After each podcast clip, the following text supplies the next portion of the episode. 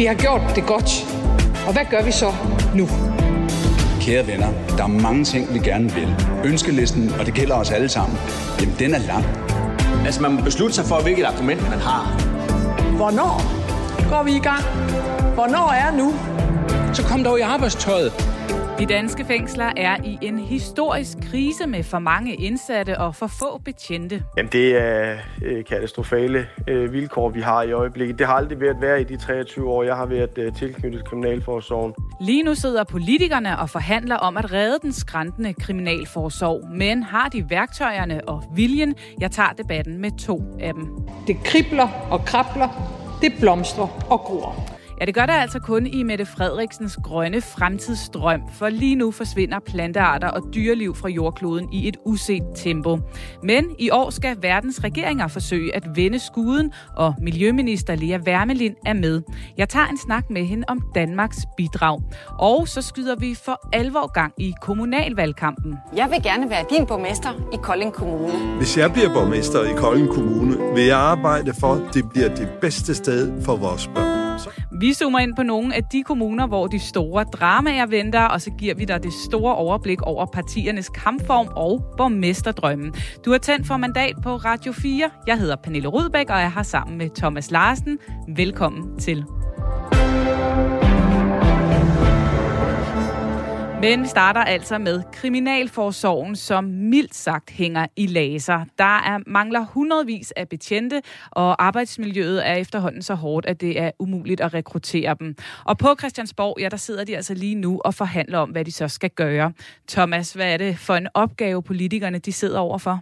Du er næsten selv inde på det, Pernille, fordi det er en monumental opgave, de står for. Altså hele Kriminalforsorgen og også fængselsvæsenet dermed er kørt ned under gulvbrædderne. Øh, der er en massiv flugt af medarbejdere. Det er svært både at rekruttere og fastholde medarbejdere. Og så er det også helt tydeligt, at der i de senere år er sket en meget altså, alvorlig forrådelse af miljøet i fængslerne. Ironisk nok kan man sige, så, øh, så er der også lidt en succes i det her, fordi når der er så mange indsatte, så er det rent faktisk, fordi politiet blandt andet har været meget effektiv og dygtig til at få nedkæmpet en del af bandekriminaliteten og fået fat i mange øh, bandefolk. Men det betyder jo altså så også, at der er kommet rigtig mange indenfor i fængslerne, og det er også nogle meget, meget hårde indsatte, som altså også øh, griber til hårde midler over for medarbejderne internt.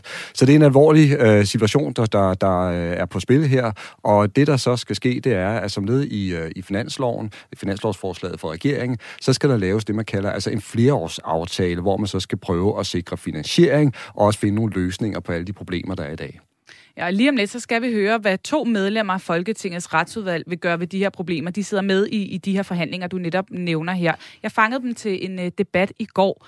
Men først så skal vi altså lige høre fra formanden for Fængselsforbundet, Bo Yde Sørensen, som jeg også har talt med. Jamen, det er øh, katastrofale øh, vilkår, vi har i øjeblikket. Det har aldrig været værd i de 23 år, jeg har været øh, tilknyttet Kriminalforsorgen.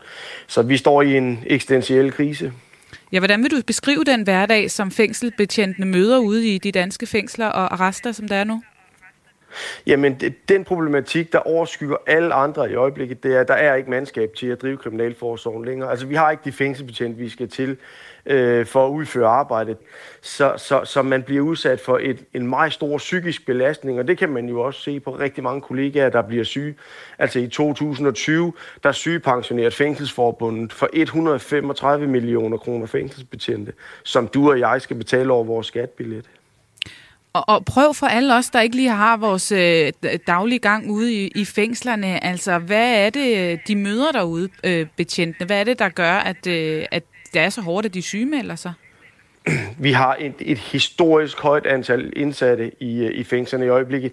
4.200 fanger, og vi har ikke 4.200 pladser. Så mange steder, så når du åbner en celledør, så er der to øh, indsatte derinde. Og det er sammenholdt med, at, at du for en stor del øh, vedkommende, så går man alene. Øh, selv på de store lukkede fængsler, hvor man går blandt røvere, mordere, psykopater og voldtægtsforbrydere, så står man over for det her pres alene. Og det kan man sagtens holde til i, en, i, i øh, den ene gang, eller den anden gang, eller den tredje gang. Men på lang sigt, der er der ikke nogen, der kan tåle at stå over for de her mennesker alene. Der, der, der, der, der skal være en bemanding, der gør, at vi kan håndtere situationen. Der skal være en bemanding, der gør, at man ikke bliver utryg ved, kommer jeg helt hjem i dag til min egen familie, øh, eller, eller hvordan kommer dagen til at forløbe? Og du siger, du har nærmest ikke set det være i de 23 år, øh, du har, har været her. Øh, hvad er det for en udvikling, der er sket? Ja, ikke bare nærmest. Jeg har ikke set det være end, end, end den situation, vi står i. Og den situation, vi står i, den startede stille og roligt i 2013, øh, hvor vi i Fængselsforbundet kunne begynde at se, at der er en udvikling her, der går skævt. Men desværre måtte vi jo sige, at skiftende direktører i Kriminalforsorgen og skiftende regeringer fuldstændig har lavet hund om alle advarsler om udviklingen, øh, og har bare set til, at skibet har taget vand ind. Og nu står vi i en situation, hvor vi mangler så meget mandskab, så, så, så vi kan simpelthen ikke nå at, at øse vandet ud så hurtigt, som det kommer ind over, øh, ind over skibssiden igen. Men du siger, at det har været en udvikling, der har været undervejs gennem en længere periode. Er du øh, tryg ved, at politikerne for alvor øh, kan og vil levere det, der skal til i den her omgang? Det er jeg nødt til at være. Jeg, jeg er nødt til at tro på, at, at, at det er nu, at, at, at man får vendt udviklingen. Og jeg kan i hvert fald sige, øh, når jeg ligger mig til at sove i aften, så kan jeg trygt sige, at jeg har sikret, at alle ansvarshavende politikere, de har et fuldt og oplyst grundlag at sidde til de her forhandlinger med. Det er i sidste ende Christiansborg ansvar, at vi får det her vendt rundt. Ja, og nu skal vi tale med to af dem, som altså har ansvaret, og som begge er engagerede medlemmer af Folketingets retsudvalg. Det er nemlig dig, Karina Lorentzen fra SF. Velkommen til. Tak. Og så har vi også dig med, Peter Skårup, retsordfører fra Dansk Folkeparti. Velkommen til. Mange tak. Det er en øh, barsk virkelighed, vi hører om ude fra de danske fængsler, og det er jo også en udvikling, som vi har set gennem mange år, siger Bo Yde fra Fængselsforbundet. Karina, lad mig starte med dig. Hvordan i alverden har I politikere kunne lade det komme hertil? Ja, det er et godt spørgsmål. Jeg synes ikke, jeg har forsømt at gøre opmærksom på det her, men jeg tror også bare, man må erkende, at Kriminalforsorgen nok øh, ikke har været lige så interessant for politikerne, som politiet har. I hvert fald er det lykkedes at lande et, øh, et rigtig fint øh, politiforlig, men jeg måtte jo konstatere, da jeg åbnede finanslovsforslaget, øh, hvor øh, der gerne skulle have været en ny øh, flereårsaftale, at den ligesom var afspejlet i det. Jeg så der afsat et, et faldende budget øh, til Kriminalforsorgen, og altså ikke en styrkelse. Så Peter Skåb, må jeg, må jeg høre dig. Synes du også, at øh, du har råbt højt nok om det her problem, og I har taget ordentlig hånd om øh, udfordringerne i Kriminalforsorgen øh, i Dansk Folkeparti? Ja, åbenbart ikke højt nok, fordi øh, Karina og jeg tror, jeg er enige om, at øh, vi bærer på vores måde, og ved vores ståsted har forsøgt at sige, at her er der noget galt. Og i hvert fald de seneste år har vi været opmærksom på, at der manglede fængselsbetjente, og at der var meget overarbejde, og at, Øh, Øh, der var meget store problemer i Kriminalforsorgen. Man må også sige, øh, meget fokus har jo været på at lave et, et politiforlig, men jeg synes nok, at den, den nuværende regering, socialdemokratiske regering, kunne godt for længe siden for eksempel have indført øh, løn under uddannelse, altså i stedet for SU. Det har vi jo råbt op begge to om et stykke tid, øh, uden der rigtig er sket noget. Så, så der er plads til forbedring, det må man sige. Øh, en af de ting, som man måske kan tilføje, og jeg synes også på at yde lidt inde på det, det er jo, at øh, at øh, nogle gange, ligesom i den gode gamle film, Dr. Jekyll og Mr. Hyde, altså man, man får nogle gange indtrykket fra nogle af lederne hos Kriminalforsorgen om, at alt er godt, øh, der er ingen problemer. Øh, det skal man ligesom sige, men hvor virkeligheden har været en anden. Og, og den virkelighed dukker jo op nu, og den, den ligger på bordet for os, og nu skal vi bare handle. Ja, den virkelighed dukker op nu. Det må man jo i den grad siden har gjort, og nu har vi i hvert fald også en, en formand her fra, fra Fængselsforbundet, som i den grad råber op og mener, at nu er der ingen undskyldning mere. Nu er alle politikere informeret om, hvor gralt det her egentlig står til. Hvad er så det allermest afgørende for at få løst den her udfordring, Peter Skorup? Ja, det er for mig at se, at øh, vi får flyttet nogle af de udlandske indsatte hjem øh, til afsoning eller til et tredje land. Det vil øjeblikkeligt give 400 pladser ekstra i vores fængsler. Hva, hvor, så, hvor, hvor får, er det, du mener, de skal sendes hen, Peter Skorup? Ja, til hjemlandet allerhelst, men ellers øh, til et tredje land, sådan så de fjernes fra vores fængsler. Fordi vi har en kæmpe overbelægning, som der er i dag, og altså mangler fængselsbetjente. Og så skal vi have gjort det mere attraktivt. Altså vi skal simpelthen have fortalt den, den gode historie om at være fængselsbetjent og rekruttere nogle af de, af de anførselstegn, også voksne, og det kræver altså løn under uddannelse. Karina, er du enig i, at det er de to ting, der skal til, for at vi får løst den her udfordring? Altså, jeg mener i hvert fald, at øh, vi er i så øh, akut en situation, at vi ikke kan tillade os at have reservationer over for nogen som helst forslag, som, øh, ja, som kan hjælpe øh, kriminalforsorgen ud af den her knibe. Altså, jeg er jo enig i, at vi skal genindføre elevlønnen for at rekruttere bredere. Det foreslog vi allerede i Folketingssalen sidste år, men fik at vide, at vi skulle vente til kriminalforsorgsforhandlingerne. Det er rigtig ærgerligt, for det betyder jo, at, øh, at vi kunne have været gået i gang med det. Men det er jo heller ikke en, øh, en hurtig løsning. Øh, og derfor så tror jeg mest på, at noget af det, vi kan gøre, det er at bringe belægget ned, altså antallet, antallet af indsatte, øh, for at få en balance i øh, antallet af hænder og antallet af indsatte. Øh, fordi først da kan vi begynde at få et bedre arbejdsmiljø og rekruttere igen. Og der kunne man jo sende dem til udlandet, sådan som Peter Skårup siger. Er det en god idé, synes du? Det er jeg egentlig ikke afvisende overfor. Øh, det kommer jo selvfølgelig an på, hvordan vi gør det. Øh, og jeg ved jo, at Norge øh, har forsøgt at lege fængselspladser i Holland på et tidspunkt, så det er jo ikke, fordi modellen ikke er afprøvet. For os vil det være sådan, at, at det kun vil være udvisningsdømte. Vi synes, man kan gøre det med, altså folk, som i virkeligheden ikke skal resocialiseres i Danmark efterfølgende øh, fordi det, giver, det, det er egentlig underordnet, hvor de sidder, bare de ikke sidder på ringere vilkår. Og det er også et absolut must, øh, hvis vi skal bevæge os ud af den her vej. Man skal have nøjagtigt det samme gode tilbud, som man vi have fået i Danmark. Jeg, jeg kunne godt tænke mig lige at prøve at spille et klip øh, for jer med Bo Yde, som vi også spurgte ind til det her med, om øh, det var en løsning at sende flere øh, øh, af de indsatte til udlandet for at afzone dør. Prøv lige at høre, hvad han sagde til det løsningsforslag? Ja, det er jo en super god plan, og den plan har været øh, sat i søen en, en 4-5 gange i de 23 år, jeg har været i Kriminalforsorgen. Jeg synes, det er alle tiders, men, men man må altså ikke binde Kriminalforsorgens fremtid op på øh, den løsning, fordi jeg tror ikke på, at det kommer til at ske. De øvrige gange, man har ført den idé til tors, så, så, så er den simpelthen druknet i byråkrati og juridiske trakasserier. Så, så, så jeg, jeg, jeg tror ikke på den. Det må ikke være, altså, fint at arbejde videre med det, men man skal have nogle rigtige løsninger, der kan gennemføres i praksis. Ja, fint nok, Peter Skårup, men det er ikke en rigtig løsning på problemet, siger han. Nej, og Karina Lorentzen vil ikke afvise det, men det her handler ikke om, at man ikke skal afvise det, eller man ikke skal tro på den. Vi skal tro på den, og vi skal gennemføre den. Men han og tror ikke på tro, den. At, nej, men øh, der er så meget, man ikke tror på, før det bliver til virkelighed. Og man har, øh, han har vel tror... en vis indsigt i, i, hvad der skal til øh, ude i fængslerne, må man antage. Ja, det, det er der ingen tvivl om i danske fængsler, men, men her handler det jo i virkeligheden, når han taler, når Bode taler om, om byråkrati eller diplomati måske, så handler det jo i virkeligheden om at få hul igennem til øh, hjemlandene, hvorfra de kriminelle kommer fra, punkt 1, og punkt 2, øh, at finde et tredje land, øh, hvor det, en, det virkelig er en straf at sidde i fængsel for nogle af de her udenlandske kriminelle. Man skal jo ikke være, man skal jo ikke være naiv her. Der er jo nogle af de her indbrudskriminelle, der laver 10, 20, 30 indbrud, måske flere, i Danmark, øh, som kommer fra Østeuropa, og som betragter det at komme ind i dansk fængsel i virkeligheden som lidt af et, et ferieophold. Man får mad, man får drikke, der er toilet og bad på værelset, der er øh, fjernsyn, øh, alverdens tv-kanaler, øh, Champions League. Ikke? Altså, det er ikke nogen straf for dem. Og derfor så tror jeg, vi skal indføre noget, der virkelig er en straf, hvis man kommer fra et andet land og betragter et fængselsophold i Danmark som ferieophold. Okay, så det er en del af løsningen, mener du. Bo Yde, han tvivler på, at det er en særlig stor del af løsningen. Han siger, at der skal altså nogle markante andre ting til. Hvad kunne du ellers byde ind med fra Dansk Folkepartis side, Peter Skårup, hvis vi virkelig skal redde den her meget skræntende kriminalforsorg?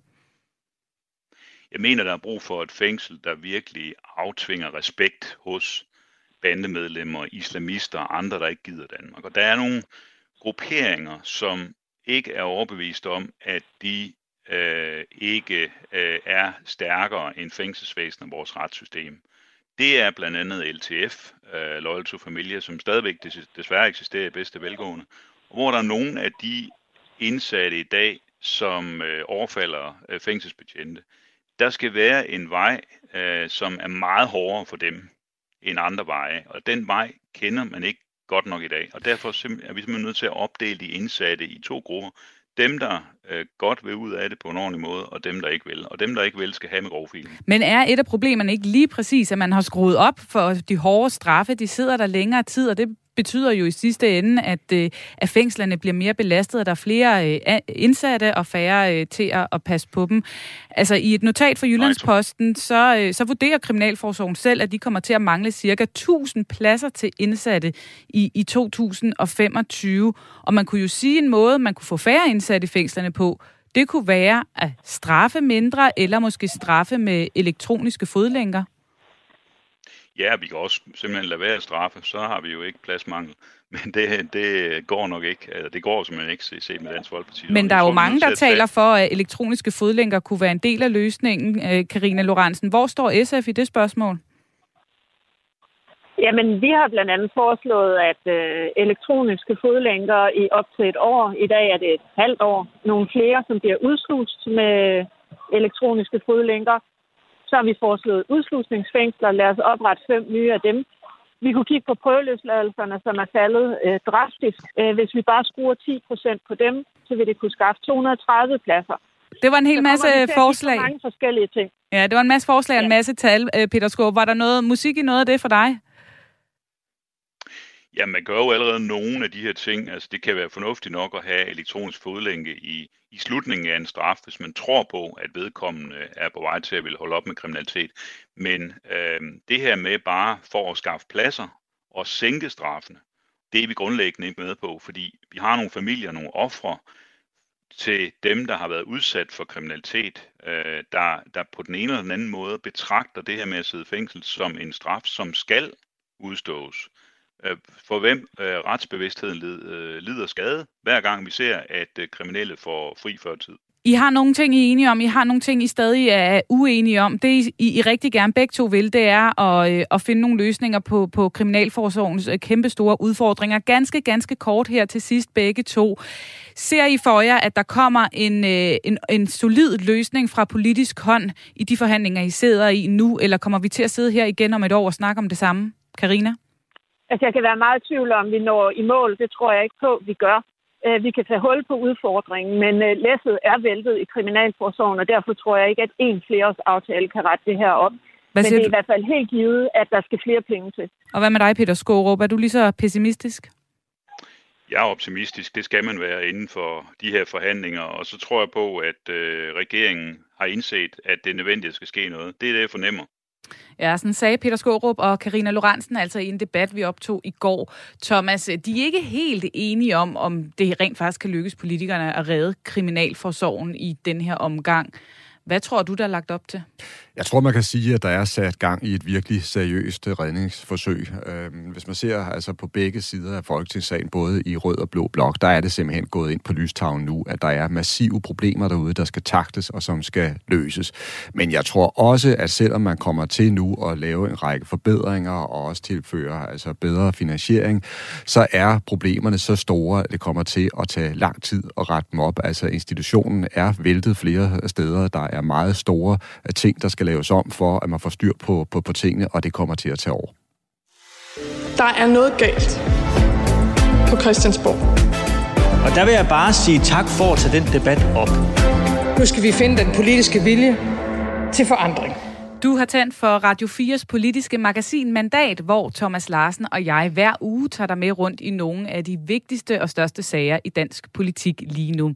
Vi har netop taget debatten om den forsømte kriminalforsorg, som politikerne måske, måske ikke kommer til at øh, gøre, hvad de kan for at komme til undsætning omkring. Om lidt så tager jeg en øh, snak med Miljøminister Lea Wermelin om den biodiversitetskrise, som vi altså befinder os midt i. Og senere, ja, der blæser vi for alvor gang i kommunalvalget med det helt store overblik. Men først vil vi meget gerne høre, hvad du synes, vi også bør tale om, og som vi måske har talt for lidt om i dansk politik den seneste tid. SMS'en, den er åben, så det er altså bare at sende afsted på 1424 og starte med R4. Og øh, vi har også efterlyst nogle bud på Facebook, Thomas, som altid. Og øh, lad mig tage et fra øh, Lisbeth Rasmussen. Hun skriver, at politikerne bare skifter parti. De er valgt ind i et parti på grund af deres holdninger og meninger, når de skifter, fordi de ikke længere har disse, så burde de da gå af og stille op for det nye parti. Det er jo ikke sikkert, at befolkningen synes, at de så hører til Folketinget længere. Der er jo virkelig mange løsgængere i Folketinget efterhånden, Thomas. Det er der i den grad. Jeg synes også, det er et rigtig spændende tema, som øh, Lisbeth tager op her, fordi jeg er overbevist om, at der er mange vælgere derude, der ser på det her med, med, med stor frustration. De har netop øh, stemt på en politiker, og det har de gjort i tiltro øh, til, at øh, vedkommende så vil arbejde inden for, for det parti, som han eller hun tilhører. Og pludselig så skifter de, så øh, springer de over til et, et andet parti, som man jo som vælger slet ikke måske er, er enige i. Så, så frustrationerne er der, og som du også er inde på, Pernille, det er godt nok mange. Altså parti skift, vi har set. Der er mange partihopper på Christiansborg øh, i dag, og det har der faktisk også været rundt omkring i landets øh, kommunalbestyrelser. Og så må jeg bare sige, at når jeg ser frem, og når jeg ser ind i, i, i fremtiden, så tror jeg faktisk, at det kommer til at, at fortsætte. Og en af forklaringerne er simpelthen, at den loyalitet, som politikerne havde til deres partier tidligere, den eksisterer ikke i, i samme grad, og de er også blevet mere optaget, kan man sige, af deres egen karriere. Så hvis de bliver skuffet, ja, så er skridtet til at springe ind i et nyt parti simpelthen blevet kortere. Men mister de så ikke loyaliteten fra vælgerne ved at gøre det her? For det kan vi jo høre, Lisbeth Rasmussen, hun er i hvert fald, øh, hun har ikke meget tillid til den måde at agere på. Jo, altså jeg tror, at der er nogle øh, af de her politikere, de kommer til at miste øh, troværdighed, og de kommer også til at, at, at miste vælgerstøtte, men vi kan også se, at der er nogle af dem, altså, der er så slagkraftige, og som er i stand til at forny deres karriere på en måde, så de kan komme ud og appellere til nye vælgere. Hvad synes du, vi øh, har talt for lidt om i dansk politik? Send din sms afsted nu på 1424 og start med R4. Og i sidste uge, der spurgte vi jo også om det her, og der øh, blev der blandt andet skrevet rewilding, altså den her genskabelse af vild natur, som øh, man blandt andet forsøger med de her nye naturnationalparker. Og udover det altså har sat gang i en ret hæftig debat om dyrevelfærd, ja, så handler det jo i bund og grund om den biodiversitetskrise, som vi står i, altså at dyrearter og plantearter uddør. Et tema, der for alvor er ved at krybe ind på den politiske dagsorden. Sortspætter, vilde orkideer og forglem mig ej. Højmoser og heder. Det kribler og krabler, det blomstrer og gror. Ja, sådan her lød det for eksempel i Mette Frederiksens åbningstale, og hun er altså ikke den eneste statsleder, der drømmer om mere natur og flere dyr. I sidste uge, der blev FN's biodiversitetstopmøde COP15 skudt i gang. Og her skal verdens regeringer, regeringer blive enige om, hvordan vi øh, stopper den her massive udryddelse af dyre- og plantearter, som altså sker lige nu. Miljøminister Lea Wermelin, hun er med fra Danmark, og hun går ind fra, for et mål om, at 30 procent af, den, af det globale landareal og verdenshavene skal være beskyttede naturområder. Men hvordan står det egentlig til herhjemme med den danske natur? Ja, det spurgte jeg hende om, da jeg fangede hende på vej til Tyskland i en bil i går. Der er ikke nogen tvivl om, at hvis man kigger på, øh, på statistikkerne, så har Danmark ikke så meget at prale med i forhold til høj biodiversitet. Og derfor er der selvfølgelig også forskel på, når man kigger på de 30 procent globalt, som der skal øh, beskyttes. Øh, taler vi om Amazonas, eller taler vi om noget, som har en meget lavere naturværdi? Det ændrer bare ikke på, at vi fra dansk side også skal bidrage til at vende tilbagegangen. Både fordi vi synes, det er det rigtige at gøre, men jo også fordi, at vi gerne vil være en del af at passe bedre på både dansk, men også europæisk og global øh, natur. Det vi konkret har gjort, det er at lave en natur- og biodiversitetspakke blandt andet, som skal skabe 15 øh, nye naturnationalparker rundt i hele Danmark og markant mere urørt skov, som en del af det, der skal være med til at, øh, at passe godt på, på naturen herhjemme. Ja, lad mig lige dvæle ved det der, for du siger, at vi har ikke så meget at, at prale med, og, og jeg har jo også sådan kunne øh, researche mig lidt frem til, at øh, når vi kigger på dansk jord, jamen så har vi sådan 5% af vores have, der er trawlfri, og på landjorden, der er det måske mellem en halv til en hel procent, som sådan kan kategoriseres som beskyttet natur. Er det ikke lidt svært at gå ambitiøst ind til nogle forhandlinger, når det står så skidt til på dansk jord?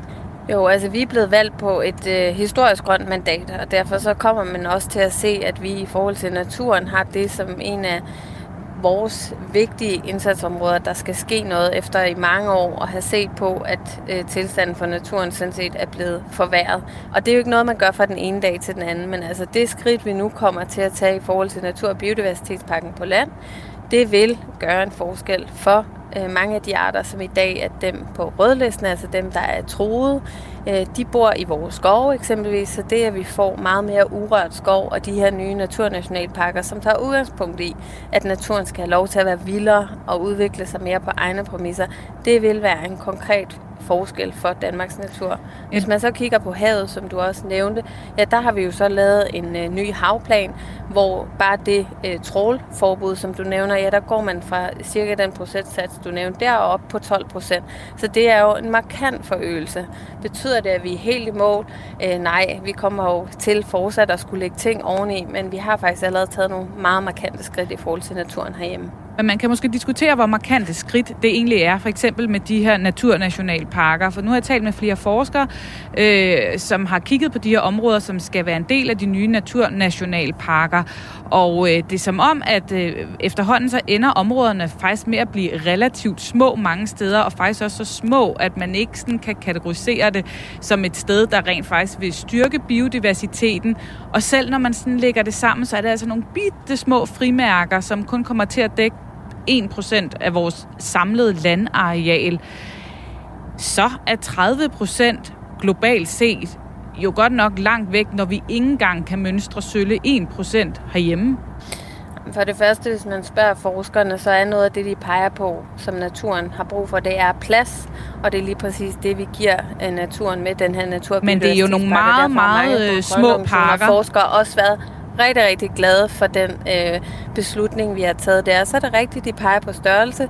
Nu har vi jo slet ikke udpeget naturnationalparkerne endnu, og det er klart, det er en af de kriterier, der er. Også at kigge på, øh, en ting er de statslige arealer, det er jo det, vi kigger på her i første runde, men vi har jo også allerede anmeldt, at vi skal kigge på private, kommunale arealer som det næste. Så vi er ikke færdige, og det er klart, plads og størrelse betyder rigtig, rigtig meget. Tror du, at du som dansk miljøminister kan være med til at rykke noget på den her dagsorden?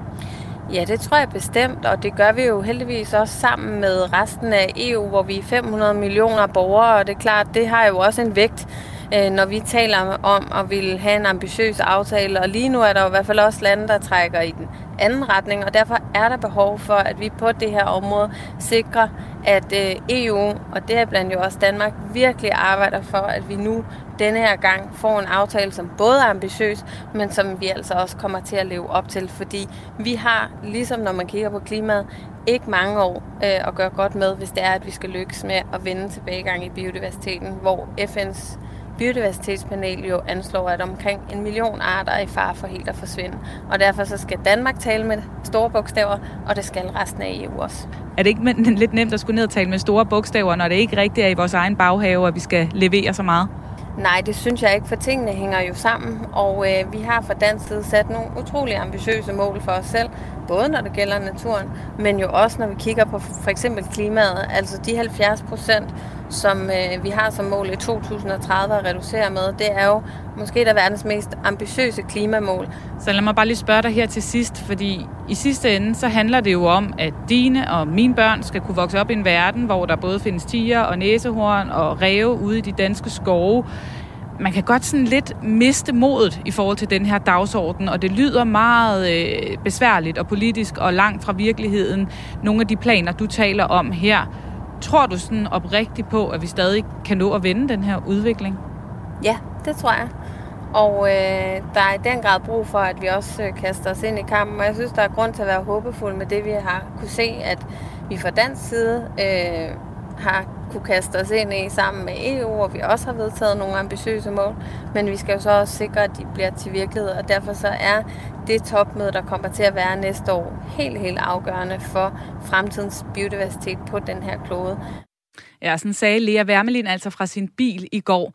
Thomas, den her opstart af biodiversitetens topmøde, den ligger jo lidt i skyggen af en større kop lige om lidt. Det kan man roligt sige, og det du taler om, det er selvfølgelig COP26, som altså er FN's store øh, klimatopmøde, der finder sted i, øh, i Glasgow. Og der kommer stort set hele verden til at, at deltage, og det bliver en af efterårets aller, aller største politiske begivenheder på internationalt plan. Og man kan sige, at det er så også et møde, der kommer til at udfolde sig på en lidt øh, dyster baggrund, fordi FN's klimapanel har jo været ude og advare om, at mange lande skal virkelig stramme sig an, og de skal komme med nogle mere ambitiøse, altså altså handlingsplaner, hvis det skal lykkes at, og, og undgå, at temperaturerne stiger for meget på, på verdensplan. Og de er også advaret om, altså hvis man ikke virkelig får gjort noget, ja, så risikerer man jo at se, at nogle af de her vejrfænomener, som vi allerede er, er vidne til, at de løber løbs. Jeg behøver bare at tale om oversvømmelserne i Tyskland, skovbranden i Kalifornien, øh, i Asien og store oversvømmelser også. Så på den måde er det virkelig en, en alvorlig baggrund og et ekstremt vigtigt topmøde, der finder sted. Ja, det kommer til at stjæle overskrifterne lige om lidt. Hvordan går Danmark til det her topmøde? Jamen, det er jo en dagsorden, som øh, Danmark øh, melder sig fuldt og, og helt ind i, og det kommer også til at kunne ses ved, at der simpelthen vil være en, en stribe minister, altså ikke bare en eller to, men en stribe minister fra regeringen, der kommer til at deltage, og det gør øh, statsminister Mette Frederiksen også. Øh, og der vil man så selvfølgelig fortælle om, hvad det er, man gør i, i Danmark, men jeg tror også, at man ser muligheden for at brande, kan man sige, Danmark som et øh, land, øh, der har et erhvervsliv, der kan byde ind med masser af grønne, bæredygtige og energieffektive løsninger til resten af verden. For mig skal der bare lyde et ønske om at række hånden frem. Så venner, vi har meget, vi kan løse sammen. I politiske symboler og i kommunikationsstrategier frem for øh, reelt indhold. Vi er i gang med den sidste halve time af Mandat, det politiske magasin her på Radio 4, hvor Thomas Larsen og jeg blandt andet har gjort status på øh, forhandlingerne om en ny kriminalforsorg. Vi har også snakket om biodiversitet og klima. Og øh, lige om lidt, så skyder vi kommunalvalget i gang sådan for alvor. For det er jo på lørdag, at plakaterne de skal hænges op. Og øh, vi får blandt andet besøg af en af dem, som har været med til at stable sådan en her kampagne på benene, og som kan tage os med helt ind i øh, kampagnemaskinerummet. Men Thomas, lad os først lige snuppe et enkelt bud på noget af det, som øh, vores lytter synes, at vi har talt for lidt om i dansk politik. Iver Lykke Jensen skriver, der er alt alt for lidt fokus på kommunernes mange fejl i forvaltningen af serviceloven i deres behandlinger af sager, hvor der er behov for hjælp til mennesker med forskellige handicap. Politikerne tager ikke problemet op, til trods for, at retssikkerheden på området er trådt under fod. Det er som om, det er noget, vi skal acceptere og i det mindste ikke tale om i medier. Det er en dårlig politisk sag, og grupperne, der rammes, øh, er kørt i sænk og magter ikke kampen i det lange løb. Jamen, det er en, øh, en vigtig problemstilling, som øh, Iver han øh, rejser her, og jeg tror også, han har en meget væsentlig pointe i, altså, at der er alt for mange fejl i, i, i sagsbehandlingen. Det ser man desværre altså deprimerende mange øh, eksempler på, og han har nok også en pointe i, at nogle af de her grupper, som bliver klemt, øh, det er sårbare grupper, som ikke har det store talerør i, øh, i offentligheden, dog synes jeg, når jeg ser altså på, hvad øh, rækken af kommunalpolitikere, der skal i valgkamp lige om lidt, de øh, fokuserer på, og, og, og det de også fremhæver som, som vigtige sager, de gerne vil kæmpe for, der kan jeg i hvert fald se, at rundt om i en række af landets øh, kommuner, der synes det som om, at der er flere politikere, der erkender, at her er et problem, der er simpelthen et område, der skal løftes. Det er der i hvert fald flere, der har gjort til en del af deres øh, valgløfter, det kan jeg se. Men hvorfor kan den her dagsorden være svær at komme igennem med rent mediemæssigt og, og, og få opmærksomhed omkring? Jamen, den barske forklaring er jo nok, at der er tale om ret altså, få og, og sådan sårbare grupper, og hvor politikerne typisk har det med at fokusere øh, på der, hvor der er mange vælgere, og fokusere på de temaer, som rigtig mange vælgere går op i. Og så er der nogle af de mere glemte grupper, der, øh, der simpelthen bliver glemt.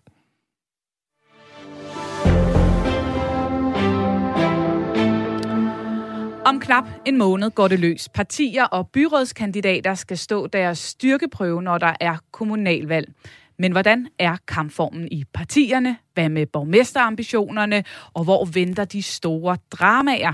Jeg er til at hjælpe os med at få det helt store kommunalvalgsoverblik. Så opruster vi lige med endnu en politisk redaktør i studiet. Velkommen til dig, Kasper Dahl. Tusind tak. Du er politisk redaktør på øh, Avisen Danmark, og jeg ved, at du glæder dig rigtig meget til det her kommunalvalg. Hvorfor det?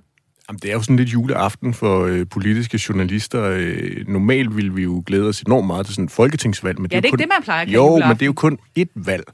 Øh, her der har vi rent faktisk 98 øh, kommunale øh, valg, og vi har fem regionsrådsvalg, og vi får en masse resultater ind, og det bliver sindssygt sjovt at se både, hvad der sker på landsplan, når man tæller alle stemmerne op, men også, hvad der sker ude øh, lokalt, om der er nogle øh, forskydninger derude, som man ikke lige havde set, og som kan blive enormt interessante for, hvem der skal til at være borgmester, og hvordan det kommunale landkort ser ud, og alt sådan noget. Det bliver en fest.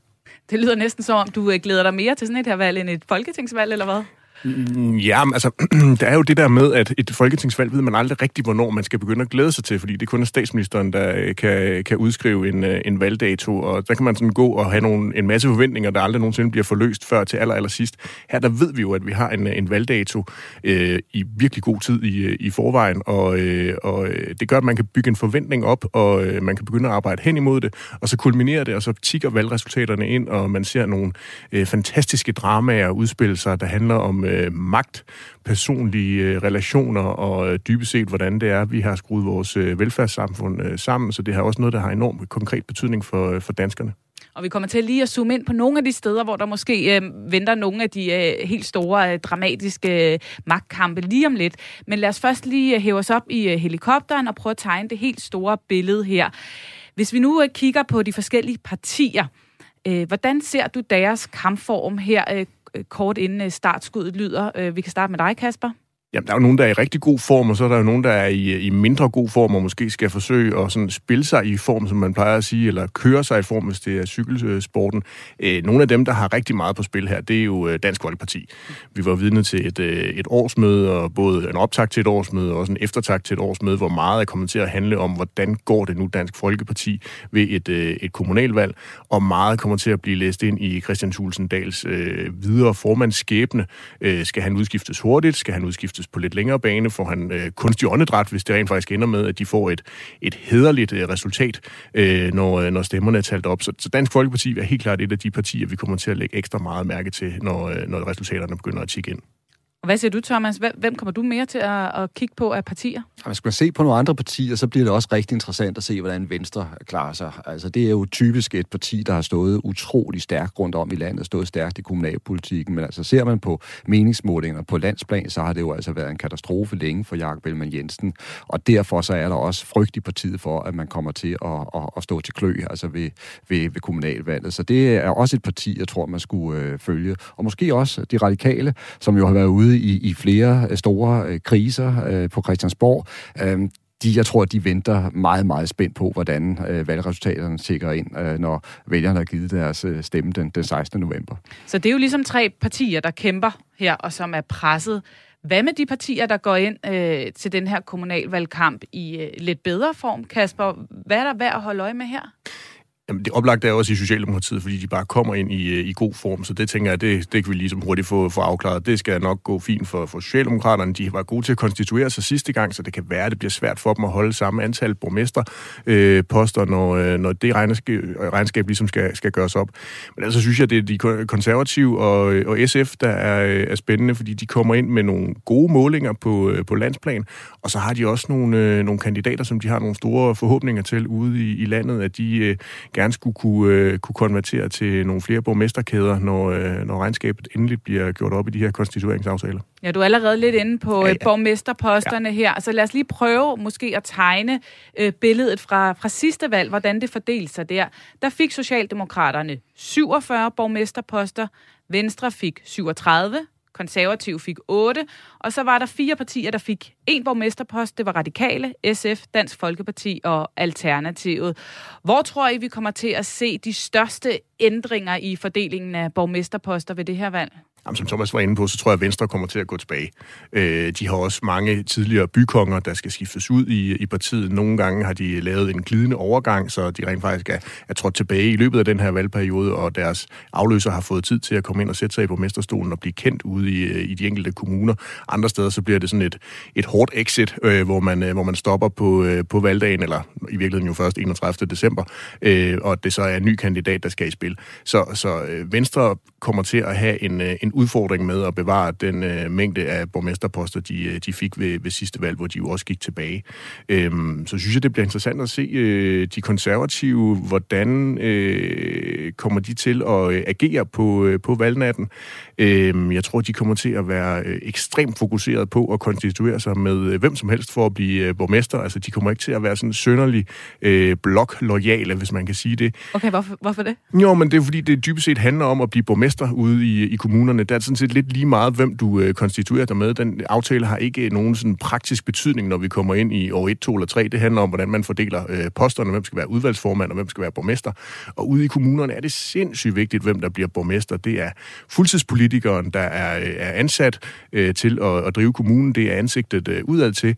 Og så er det mindre vigtigt, hvem der er formand for det lokale øh, sundhedsudvalg. Men er det eller- noget, der gør sig sådan særligt gældende for de konservative? De går benhårdt efter de Ja, her men- borgmesterposter? Ja, men, men det gør de jo selvfølgelig alle sammen. Mm. Men tidligere har man jo godt kunne se, at det kunne være smukt, hvis det var, at man ligesom kunne køre nogle landspolitiske øh, øh, samarbejder ud, at man ligesom sagde, en blå blok konstituerer sig med blå blok, tilsvarende med de røde. Vi ser det også allerede nu i nogle øh, valgforbund, altså de her tekniske valgforbund, i forhold til, hvordan man skal lade stemmerne øh, tælle sammen, så man kan få nogle flere mandater, og det på den måde virker øh, til, at der ikke kommer til øh, stemmespil. Øh, der har man også været inde og prøve at lave nogle forskellige alliancer, der gør, at man, man får mest muligt øh, ud af det. Og det er bare vigtigt for de konservative, at den medvind, der er på, på Christiansborg, den bliver konverteret til øh, borgmesterposter. De er også et af de få partier, der har været ude og, om ikke sætte et præcist tal på, hvor mange borgmesterposter de gerne vil, vil have, men at de gerne vil, vil hæve de, de otte til et, øh, et tocifret tal. Thomas, sidste gang, så, så var der altså, nu skal jeg lige tælle her, seks partier, der øh, kunne melde sig øh, på banen som øh, borgmesterposter. Ikke? Vi havde både Alternativet, Dansk Folkeparti, SF, Radikale, Venstre og Socialdemokratiet. Tror du, vi kommer til at se lige så mange partier øh, dele borgmesterposterne i den her omgang? Ej, det er meget, meget svært at, øh, at, at, at spå om, vil jeg sige, hvordan det kommer til at, at gå, når vi kommer frem til altså konstitueringsaftalerne og, og, og, og så videre. Men jeg er faktisk altså enig med, med, med Kasper. Jeg tror, at, at, at det, der bliver et af de, kan blive et af de store dramaer, det er altså virkelig at se på, hvordan det kommer til at gå med, med, med Venstre og, og de konservative. Altså også fordi, at det kommer til at spille ind landspolitisk. For vi skal heller ikke tage fejl af, at selvom det her er lokale valg, så bliver det her jo fuldt altså minutiøst for Christiansborg. Og det her kommer også til at spille ind i, hvem står stærkest. Altså er det Jakob Elman Jensen? Er det Søren Pape Poulsen? Hvem er det også, der måske vil køre mod næste folketingsvalg som det borgerlige Danmarks statsministerkandidat? Der er rigtig meget på spil. Ritzau har jo forsøgt at lave en rundspørg for ligesom at kortlægge ambitionerne hos de forskellige partier, men øh, det er som om, at mange partier de putter lidt med, med de her ambitioner. Hvorfor, hvorfor tror I, de gør det, Kasper? Ja, men det er jo fordi, man er altid bange for, om øh, man kan leve op til de forventninger, der, der er, og det vil se dumt ud på den anden side, hvis det nu endte med, at det ikke gik, som, øh, som man havde øh, håbet, det ville gøre. Og så er der jo... Øh, igen, det charmerende ved kommunalvalg, det er, en ting er, hvordan stemmerne falder ud, noget andet er jo, altså, hvordan man øh, kan konstituere sig, og der kan man jo konstituere sig selv på et mandat øh, til en, øh, en borgmesterpost. Udover de partier, du nævnte der, så har vi jo faktisk også to øh, lokale lister, der er, øh, er borgmesterlister, øh, lister, hvis man kan kalde det det, i, øh, i Guldborgsund og i Gribskov er det lokallister, der, øh, der sidder med, med borgmesterposten. Og det kan man jo også godt forestille sig, at der i nogle kommuner er nogle særlige emner, som optager øh, lige præcis de borgere i de kommuner, der gør, at der er nogle lokale lokallister, der kommer ind og får en, en afgørende betydning, enten i konstitueringen eller i, hvem der skal være øh, borgmester. Godt, lad os lige øh, prøve at dykke ned i så nogle af de kommuner, hvor der måske er ekstra stor spænding om udfaldet i år. Jeg har lige en lille lydbid til jer, og så kan I så selv gætte, hvilket kommunalt drama det er, jeg gerne vil tale om her. Jeg elsker vores lille del af Danmark. Fra Stepping til Sønderbjerg. Blå og grøn natur. Rigtig mange borgere, der engagerer sig i foreninger og får ting til at ske. Jeg tror på, at vi kan det hele, hvis vi arbejder sammen og altid husker at få alle med. Gode og trygge rammer, dagtilbud, skoler, plejehjem og sociale institutioner. Dygtige medarbejdere, de sørger for, at det er borgeren, der er i centrum. Ja, nogen bud på, hvor vi er henne i verden her? En ting er selvfølgelig, at man kan begynde at, at stemmeanalysere. Noget andet er jo også, at nogle af de, øh, de bynavne eller områdenavne, som den mandlige stemme her, Willy Søvndal nævner, er fra mit øh, fødeområde. Jeg er nemlig fra, fra Kolding. Og, Ej, der var og du Kold... foran på point Ja, der var lidt foran, foran på point, men det er, det er Willy Søvndal og Eva Kjær Hansen, der er, er klippet sammen her. Jeg forestiller mig, det er nogle, øh, nogle valgvideoer, du har, har fundet. Ja. ja. Og hvad er det for et uh, drama, der venter i Kolding, hvis vi skal tale lidt om det? Jamen, Kolding er jo blevet sådan en, en præsidentvalgkamp, øh, hvor, øh, hvor øh, Venstre med Eva Kjær Hansen i, i spidsen forsøger at bevare borgmesterposten. Den, øh, den nuværende borgmester, Jørgen Petersen, træder tilbage frivilligt efter øh, 12 år. Og, øh, og der har så været et øh, utroligt fascinerende drama i den lokale vælgerforening om, hvordan man skulle øh, fordele, eller hvem der skulle have øh, spidskandidaturet. Og det er så blevet øh, den, øh, den nuværende folketingsmedlem fra Koldingkredsen, Eva Kjær Hansen, der øh, er flyttet til byen øhm, og, øh, og nu stiller op og gerne vil være borgmester, og det er så Ville Søvndal, den tidligere udenrigsminister og formand for SF, der har boet mange år i kommunen, og når jeg nævner det, så er det fordi, det er virkelig noget af det, der optager borgerne i Kolding, det er, om man er, kan komme øh, som tilflytter til byen og være øh, borgmesterkandidat, eller om man skal have boet der i mange år og kende byen indgående. Ville Søvndal var mange år i by, byrådsmedlem, før han øh, rykkede videre til, til at blive fuldtidspolitiker på, på Christiansborg. Og øh, det bliver et, øh, et drama mellem øh, rød og blå i, øh, i byrådet i Kolding, og øh, det bliver spændende at se, om det ender med en af de to kandidater, eller om vi kommer til at opleve en konstituering, hvor der er nogle af de mindre partier, man må formode, at Venstre og SF med de markante kandidater, de, øh, de har sat på listen, kommer til at, at trække rigtig mange stemmer, men om der er nogle af de mindre partier, der kan blive et øh, kompromisbud, hvis nu det skulle vise sig, at, øh, at ingen af de to kan, kan mønstre et, øh, et flertal. Så et præsidentvalg med mulighed for, at der kan komme en joker ud fra siden. Det lyder jo øh, det lyder spændende. Lad os ja. Øh, lige dykke videre til en anden kommune, som også er på mangens kort over der, hvor det kan blive ekstra spændende. Jeg har drevet viljen til at gøre, hvad der er ordentligt og bedst, både for de mindste, de ældste, de unge og for os midt imellem. Jeg vil skabe forandring, der forbedrer vores liv. Men vi skal videre. Vi skal gøre den her by endnu bedre. Og jeg har brug for din hjælp. Jeg håber, du vil sætte kryds ved det konservative Folkeparti den 16. november. Din stemme betyder noget. Ja, er der nogen, der vil øh, byde ind med øh, et bud på, hvor vi befinder os hen her? Kasper, vil du bare jeg, gøre fuld plade? Ja, jeg tager fuld plade, ja. og igen, jeg synes, det er jo sindssygt interessant, og, og her der har vi så en uh, håbefuld socialdemokrat i Michael Windfeldt fra, fra Frederiksberg, der håber på at kan vælte det konservative bystyre gennem mere end 110 år uh, med uh, borgmester Simon Akkesen i, i spidsen, og, uh, og det kan blive noget af et drama. Uh, jeg havde fornøjelsen af at være, øh, være journalist på Berlingske tilbage i, øh, i 2009, hvor jeg øh, skrev om en, en Gallup-måling, der viste, at der var et øh, snævert rødt flertal på Frederiksberg, altså for, for 12 år siden, og, og de tre kommunalvalg, der har været øh, siden, har, har der hele tiden været diskussion om, om det er nu, at, øh, at Frederiksberg den, øh, den skifter farve fra, fra blå til, til noget rødligt.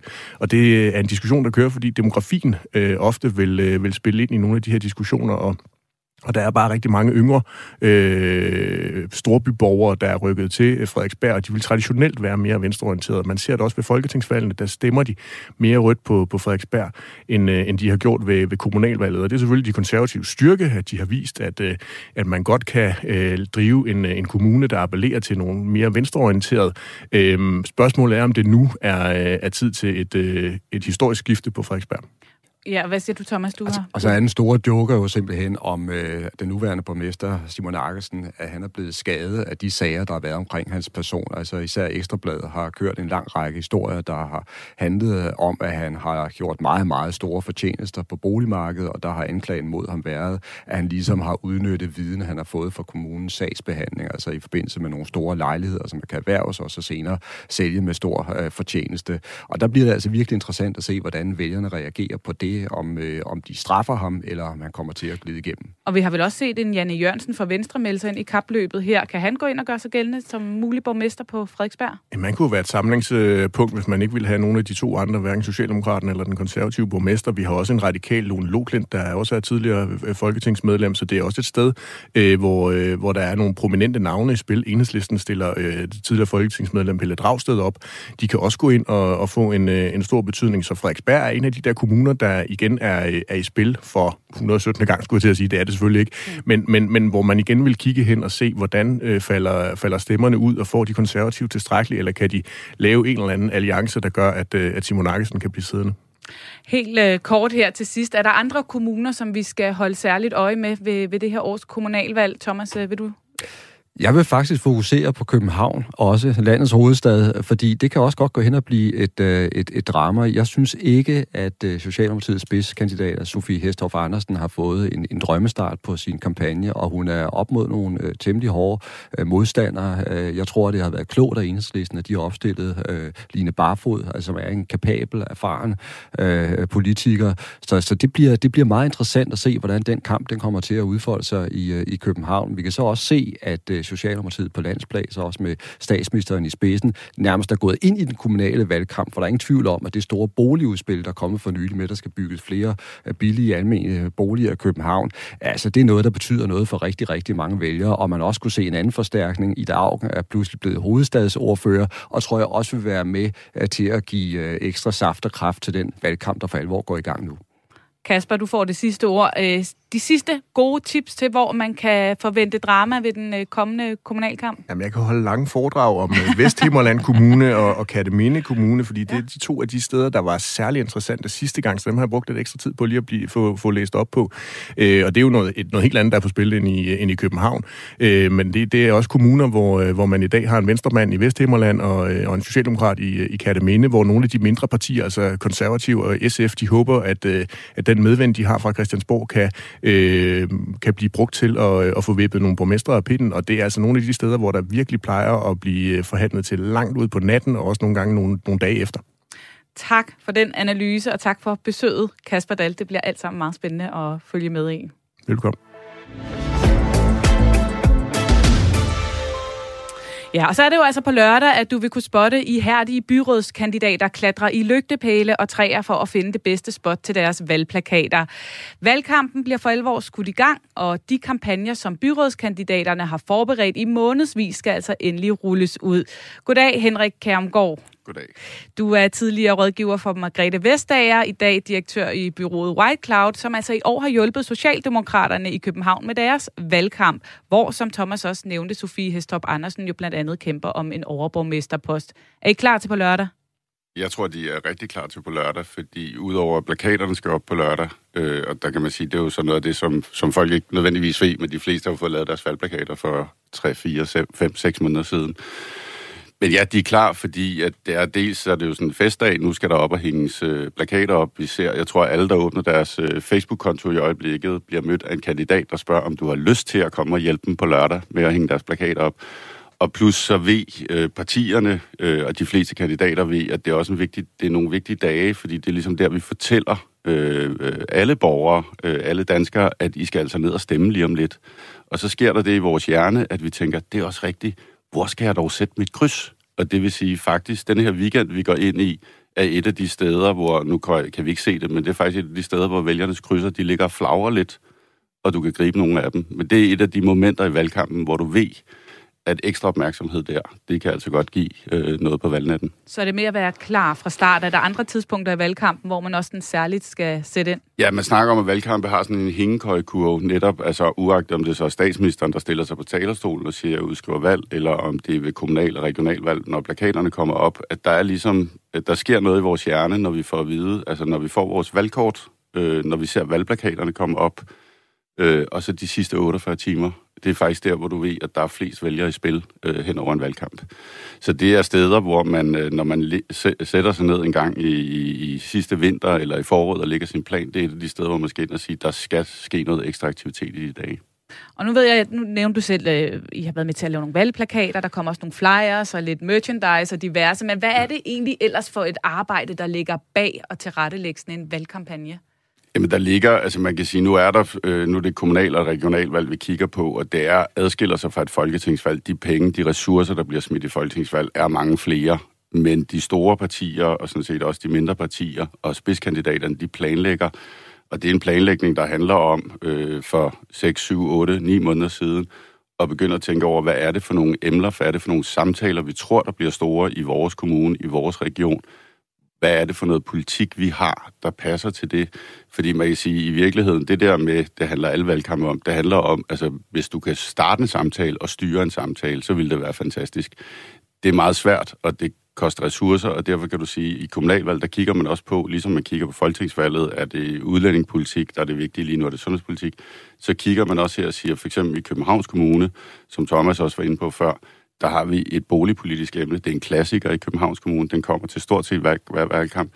Øh, Kasper nævnte øh, over i Kolding, hvor du har Willy Søvndal øh, og, og en, en ny venstrekandidat, hvor det måske bliver et spørgsmål om, hvor meget er du i kommunen, altså hvor, hvor meget kender du kommunen osv., og det handler om at finde de her emner, fordi at en, altså du kan sige, den enkelte kommunalkandidat har ikke mulighed for at starte en stor debat. Og så har du så samtidig de der, vi kunne kalde de få nationale emner, som trods alt godt kan påvirke. Jeg er personligt interesseret i at se klimadebatten, det grønne, kommer det til at påvirke kommunalvalget, ligesom vi så det påvirket øh, det sidste folketingsvalg. Er der nogle øh, særlige tendenser, der gør sig gældende ved det her kommunalvalg? Noget, du kommer til at holde særligt øje med? Bare kort her til sidst. Nej, jeg synes, vi har set en tendens over de senere år. Det var de to, øh, Thomas og Kasper, også inde på, før vi ser det nationale, det landspolitiske blande sig mere, øh, som Thomas var inde på. Der kom et stort regeringsudspil om boliger, øh, hvad hedder det, øh, og, og, og vi, vi ser partilederne meget mere aktive. Jakob Ellemann har ved at sige, at jeg skal rundt i alle 98 kommuner, ikke? Altså de moderskibene, så at sige, blander sig mere, fordi der er kommet mere prestige i kommunal- og regionalvalget. Det er blevet mere sådan et midtvejsvalg, ligesom vi kender det fra USA, hvor de har valgt til senatet og kongressen mellem de, de store præsidentvalg. Og der er vi begyndt at kigge på, så det er sådan en, vi går ind, vi kommer, Thomas kommer til at sidde her i radioen øh, og snakke om, hvordan klarede Jacob Ellemann det, hvad siger det om hans muligheder for at blive statsminister. Kasper Dahl, han kommer til at skrive analyser i avisen.dk og siger, hvordan gik det så egentlig? Og så synes jeg noget andet, jeg synes, vi ser flere og flere nationalkendte, der går ind i kommunalvalgkampene. Og det er interessant, fordi vi ved, at lige netop i kommunal- og regionalvalgkamp, der betyder kendthed mere, end det gør i den nationale valgkamp. Det bliver alt sammen spændende at følge med i. Tak for besøget, Henrik Hermgaard. Og Thomas, øh, tiden den er simpelthen fløjet afsted. Vi når ikke mere øh, mandat for i dag. To øh, kort ord om, hvad vi skal holde øje med i den kommende uge. Jamen, der er sige tre ord. Jeg vil sige kommunalvalg, kommunalvalg, kommunalvalg. Vi glæder os til at holde øje med det hele, og så er vi altså tilbage her i studiet igen om en uge, hvor vi som altid sender mandat. Det er selvfølgelig altid, som altid fra 11 øh, til 12. Nu skal du få sidste nyt fra ind- og udland. Nu er der nemlig nyheder klar til dig.